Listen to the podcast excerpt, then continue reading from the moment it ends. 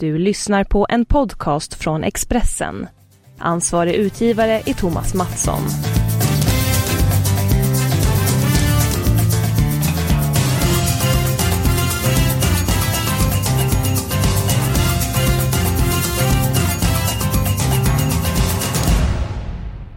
Vi är inne i sista helgen i september. Vi har en intressant eh, Stryktipskupong framför oss. Varmt välkommen till avspark och ett lag som jagar revansch. Det är Liverpool som lite snöpligt blev, eh, blev utslaget av Chelsea ur FA-cupen i veckan.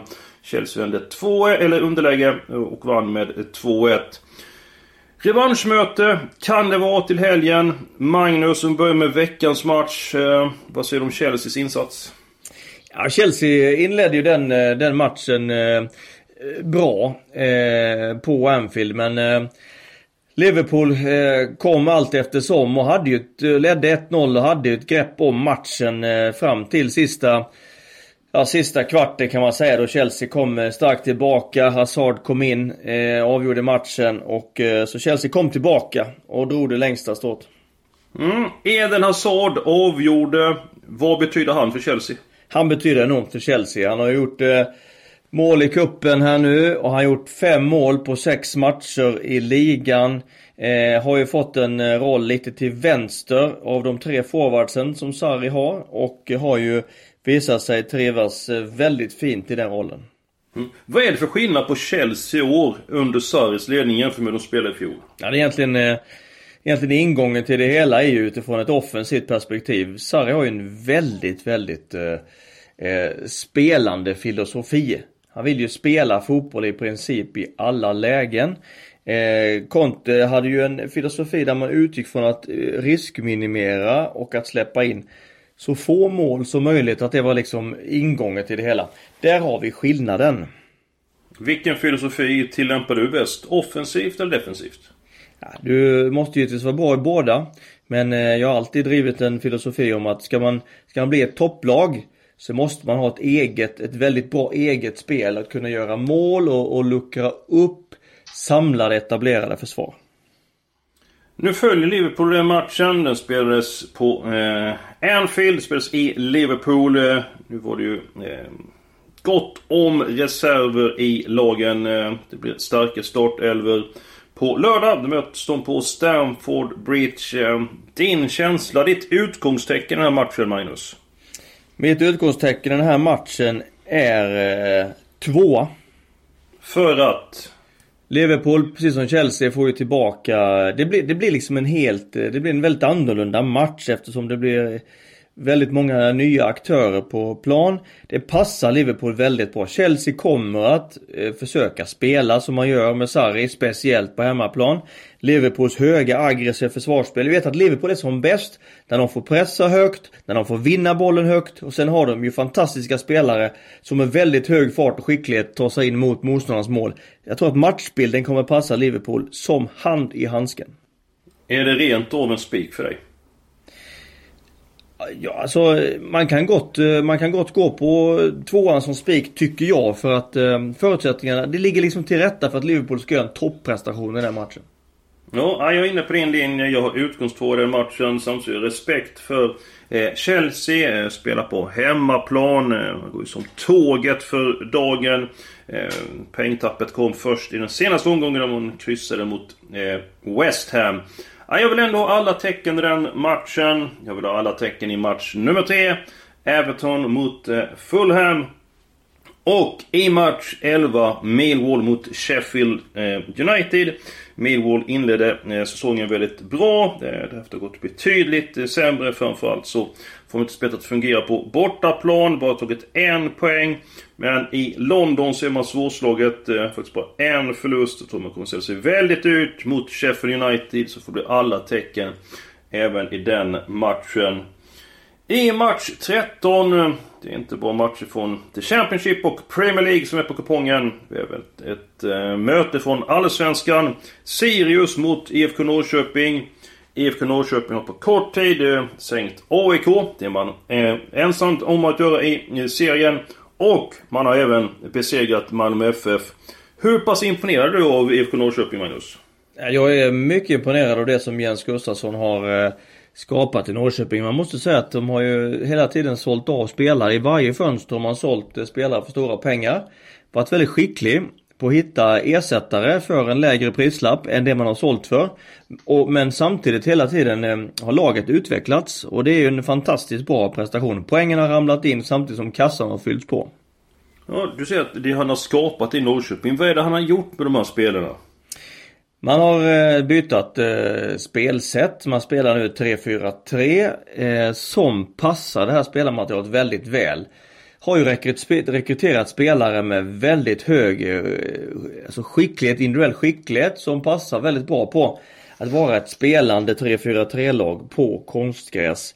Dessutom har man ju släppt in klart färre mål i år än, än i fjol och det är givetvis också en, en anledning. Man har fått det här spelskickliga laget att också bli väldigt tight bakåt och där har ju givetvis Andreas Johansson mittbacke då en stor förtjänst som håller ihop det både fysiskt och mentalt. Mm, eh, på tal om Andreas Johansson. Eh, visst var det du som värvade honom till eh, HBK en gång i tiden? Det stämmer. Jag var ju tränare för eh, Halmstad BKs eh, 82 år. Eh, och inför säsongen eh, när de här killarna skulle bli 15 år så hade vi hört talas om en kille som spelade i Geting IF. Som skulle vara väldigt bra, hette Andreas eh, Johansson. Så att vi ehm, vi lockade honom till, till HBK och sen dess har det ju rullat på ganska bra för Andreas får vi säga. Ja absolut. Var det första värvningen du gjorde till HBK? Mm, det stämmer. Det var det. Så att det var um, Det var kanske nybörjartur, vem vet? Ja men det var ju bra gjort. En väldigt trevlig kille. Och nästa år så kommer han hem till Halmstad. Han spelar i Halmstad bollklubb nästa år. Andreas Johansson blir en väldigt fin eh, investering för eh, Halmstads bollklubb. Vi har en fråga om IFK Norrköping från Åsa Jönsson eh, i Norrköping. Isak Pettersson är Allsvenskans bästa målvakt, eller vad säger ni? Den ger till dig Magnus. Vem är Allsvenskans bästa målvakt? Det är fortsatt Andreas Isaksson. Han har eh, den bredaste repertoaren och samt, samt den stora rutinen. Så att eh, jag säger att Andre, Andreas Isaksson är den bästa. Mm. Var du Isak Pettersson på din eh, lista då? Högt upp. Utvecklas ju hela tiden. Extremt reaktionssnabb. Eh, en målvakt som eh, utstrålar mycket energi. Och eh, dessutom fantastiska fötter. En sån där gör matchvinnande, matchavgörande räddningar. Eh, och få misstag. Det är ju vi fina egenskaper det. Ja, eh, en eh, målvakt som jag tycker är väldigt bra. Jag tycker han är nummer ett i Allsvenskan. Tar vi IFK Norrköping eh, så besegrar man ju Malmö FF i veckan. Jordan Larsson, han blev utbytt. Det syntes på honom att han var inte nöjd med det beslutet. Hur brukar du hantera, eller vad ser du på den situationen när han blev utbytt och han såg lite tjurig ut? Ja man såg ju redan när han fick klart för sig att han skulle gå av plan att medan han gick av plan så såg han ju väldigt eh, Ja, väldigt frustrerad och, och, och förbannad ut. Han kunde liksom inte dölja det. Eh, man får väl säga att det, det är väl lov att bli eh, Alltså alla spelare vill ju spela så man får ju förstå att de blir besvikna. Samtidigt så tycker jag att man får vara så professionell så att man kan eh, hantera sina, sina känslor på ett sätt så att det inte liksom eh, eh, blir en alltför stor grej av det här. För det är också lite, lite respekt mot tränarens eh, beslut. Det är också respekt mot den spelare som, som kommer in. Och, så att eh, man bör, eh, bör hantera det på ett professionellt sätt när man blir när man blir utbytt. Ja men jag håller med dig. Eh, jag förstår att spelarna blir irriterade för alla vill ju spela. Är du på den nivån så är det klart ingen som vill bli utbytt. Samtidigt är fotboll ett lagspel. Man ska ha respekt för sina kamrater. Du säger att man ska hantera det på ett professionellt sätt. Eh, vad hade du gjort om du varit i Jens Gustafssons kläder? Hade du pratat med Jordan eller på vilket sätt har du gått tillväga? Ja, kanske är det så att, eh, att när Jens gjorde bytet och han eh, såg tydligt eh, när Jordan, eh, att Jordan blev så besviken att när han, att han är på väg av plan så kunde ju Jens istället gjort så att han hade eh, ställt sig på ett annat ställe i eh, det tekniska området och kanske gett några instruktioner till övriga spelare och låtit Jordan lite lugnt och fint sätta sig på bänken istället för att han ska passera Jens och liksom och, och verkligen uttryckligen visa sitt missnöje. Så det, det kunde nog Jens eh, gjort på det sättet så kanske det hade blivit eh, lite, lite mindre uppmärksamhet runt det hela. Hur många gånger har du haft kvartssamtal med spelare som har eh, ja, kanske då eh, inte alltid visar vara professionella. Jag tänker på träning, jag har varit tjuriga och i samma matchsituationer. Hur ofta har du kvartssamtal med dem och säger att det här är inte okej? Okay? Ja men det, är det, inte, är det ett beteende som inte är okej, okay, ja då, då får man eh, ta upp det och prata om det. För att annars så tenderar det att återupprepas om det inte liksom markeras att det inte är okej. Okay. Så att eh, ja, det, det, är viktigt, att, viktigt att ta tag i det. Lämpligtvis kanske dagen efter matchen. Ja, men de gånger du haft de här eh, lite mer allvarliga samtalen under din 15-åriga tränarkarriär? Ja, det blir ju ett antal sådana samtal såklart sen. Sen är det inte så många på en säsong men det förekommer ju varje säsong att det blir några sådana. Mm, då är du van att ta en verbal fight eh, med spelarna. Hur är spelarna då dagen efter? När de, är de ofta medvetna om att de har gjort fel? Oftast är det ju så. Alltså i stridens hetta så agerar ju inte eh, människor alltid, alltid eh, smartast utan eh, därför så finns det liksom ingen vits att ta någon eh, diskussion och konflikt på eh, där och då eh, på matchdagen utan det får man göra dagen efter eh, när allt har lugnat ner sig. Det finns ett uttryck eh, som jag tycker är bra som heter man ska smida medan järnet är kallt. Och det passar bra i det här fallet. Mm, eh, många gånger så när man är eh, uppe i det kanske man inte tar de helt rätta besluten. Sen så när man får analysera lite grann så kommer man fram till en annan eh, slutsats.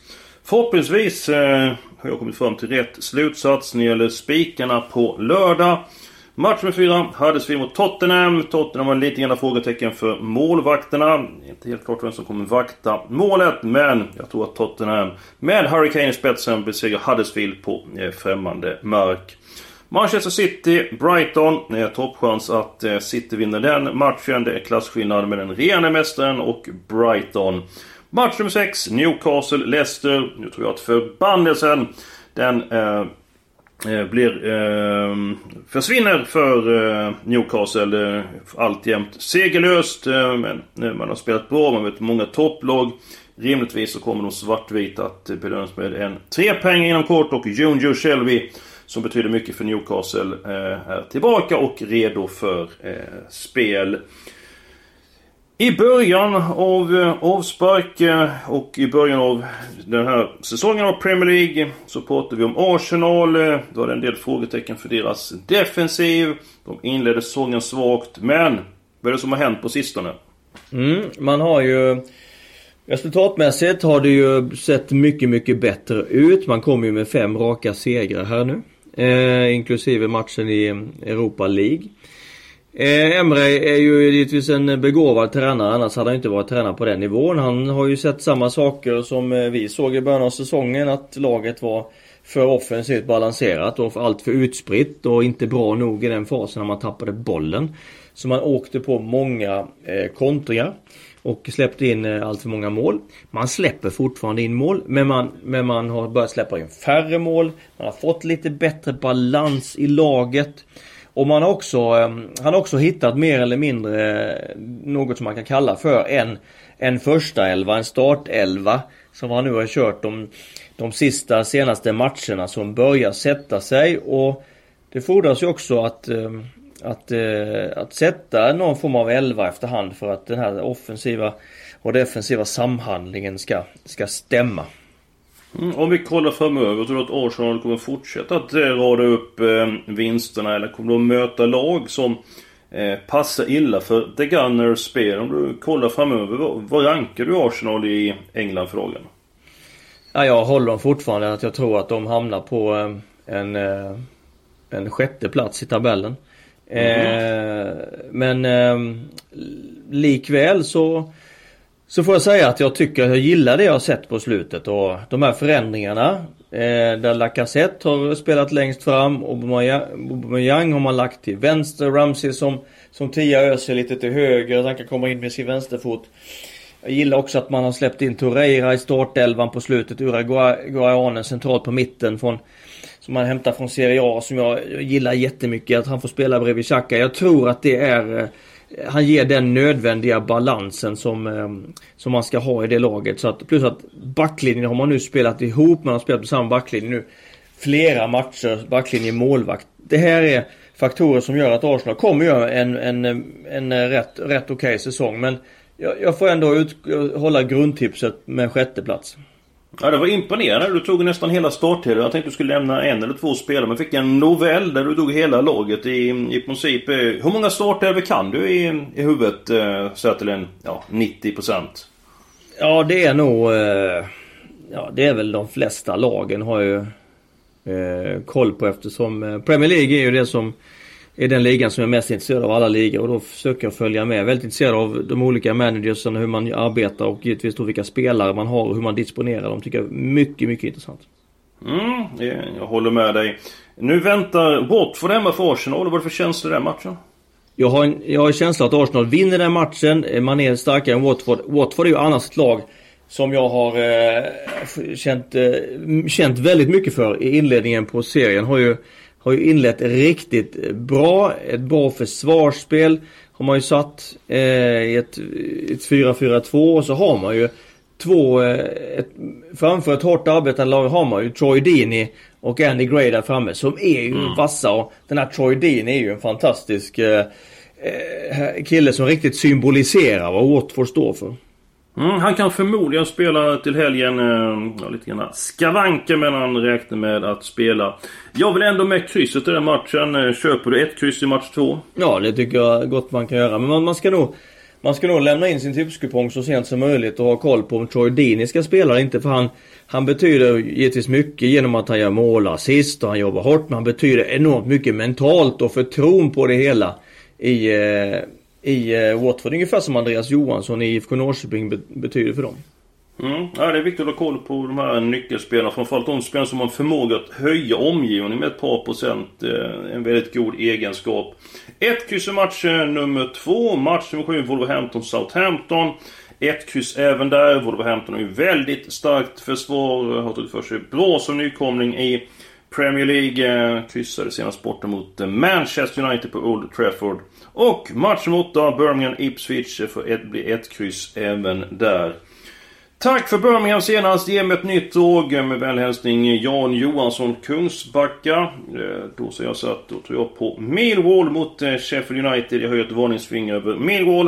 Eh, bara blivit en poäng på de sex senaste matcherna. Jag tror att man är taggad ut i fingerblommorna och man kommer att sälja sig väldigt dyrt mot Sheffield United. Magnus vinner i, på upploppet Allsvenskan. Vi pratar om IFK Norrköping. Vad tror du att de blir i serien när Allsvenskan är slut? Två. Då står du kvar vid att eh, AIK vinner SM-guld? Det gör jag. Det kommer vi kolla upp eh, och nästa vecka kommer vi tillbaka med en ny podd. Eh, då går vi igenom Stryktipskupongen än en gång. Ni är varmt välkomna med frågor.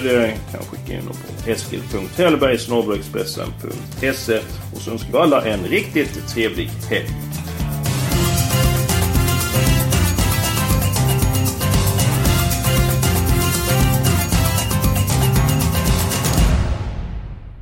Du har lyssnat på en podcast från Expressen. Ansvarig utgivare är Thomas Mattsson. Ett poddtips från Podplay. I fallen jag aldrig glömmer djupdyker Hasse Aro i arbetet bakom några av Sveriges mest uppseendeväckande brottsutredningar. Går vi in med hemlig telefonavlyssning och, och då upplever vi att vi får en total förändring av hans beteende. Vad är det som händer nu? Vem är det som läcker? Och så säger han att jag är kriminell, jag har varit kriminell i hela mitt liv men att mörda ett barn, där går min gräns. Nya säsongen av Fallen jag aldrig glömmer på Podplay.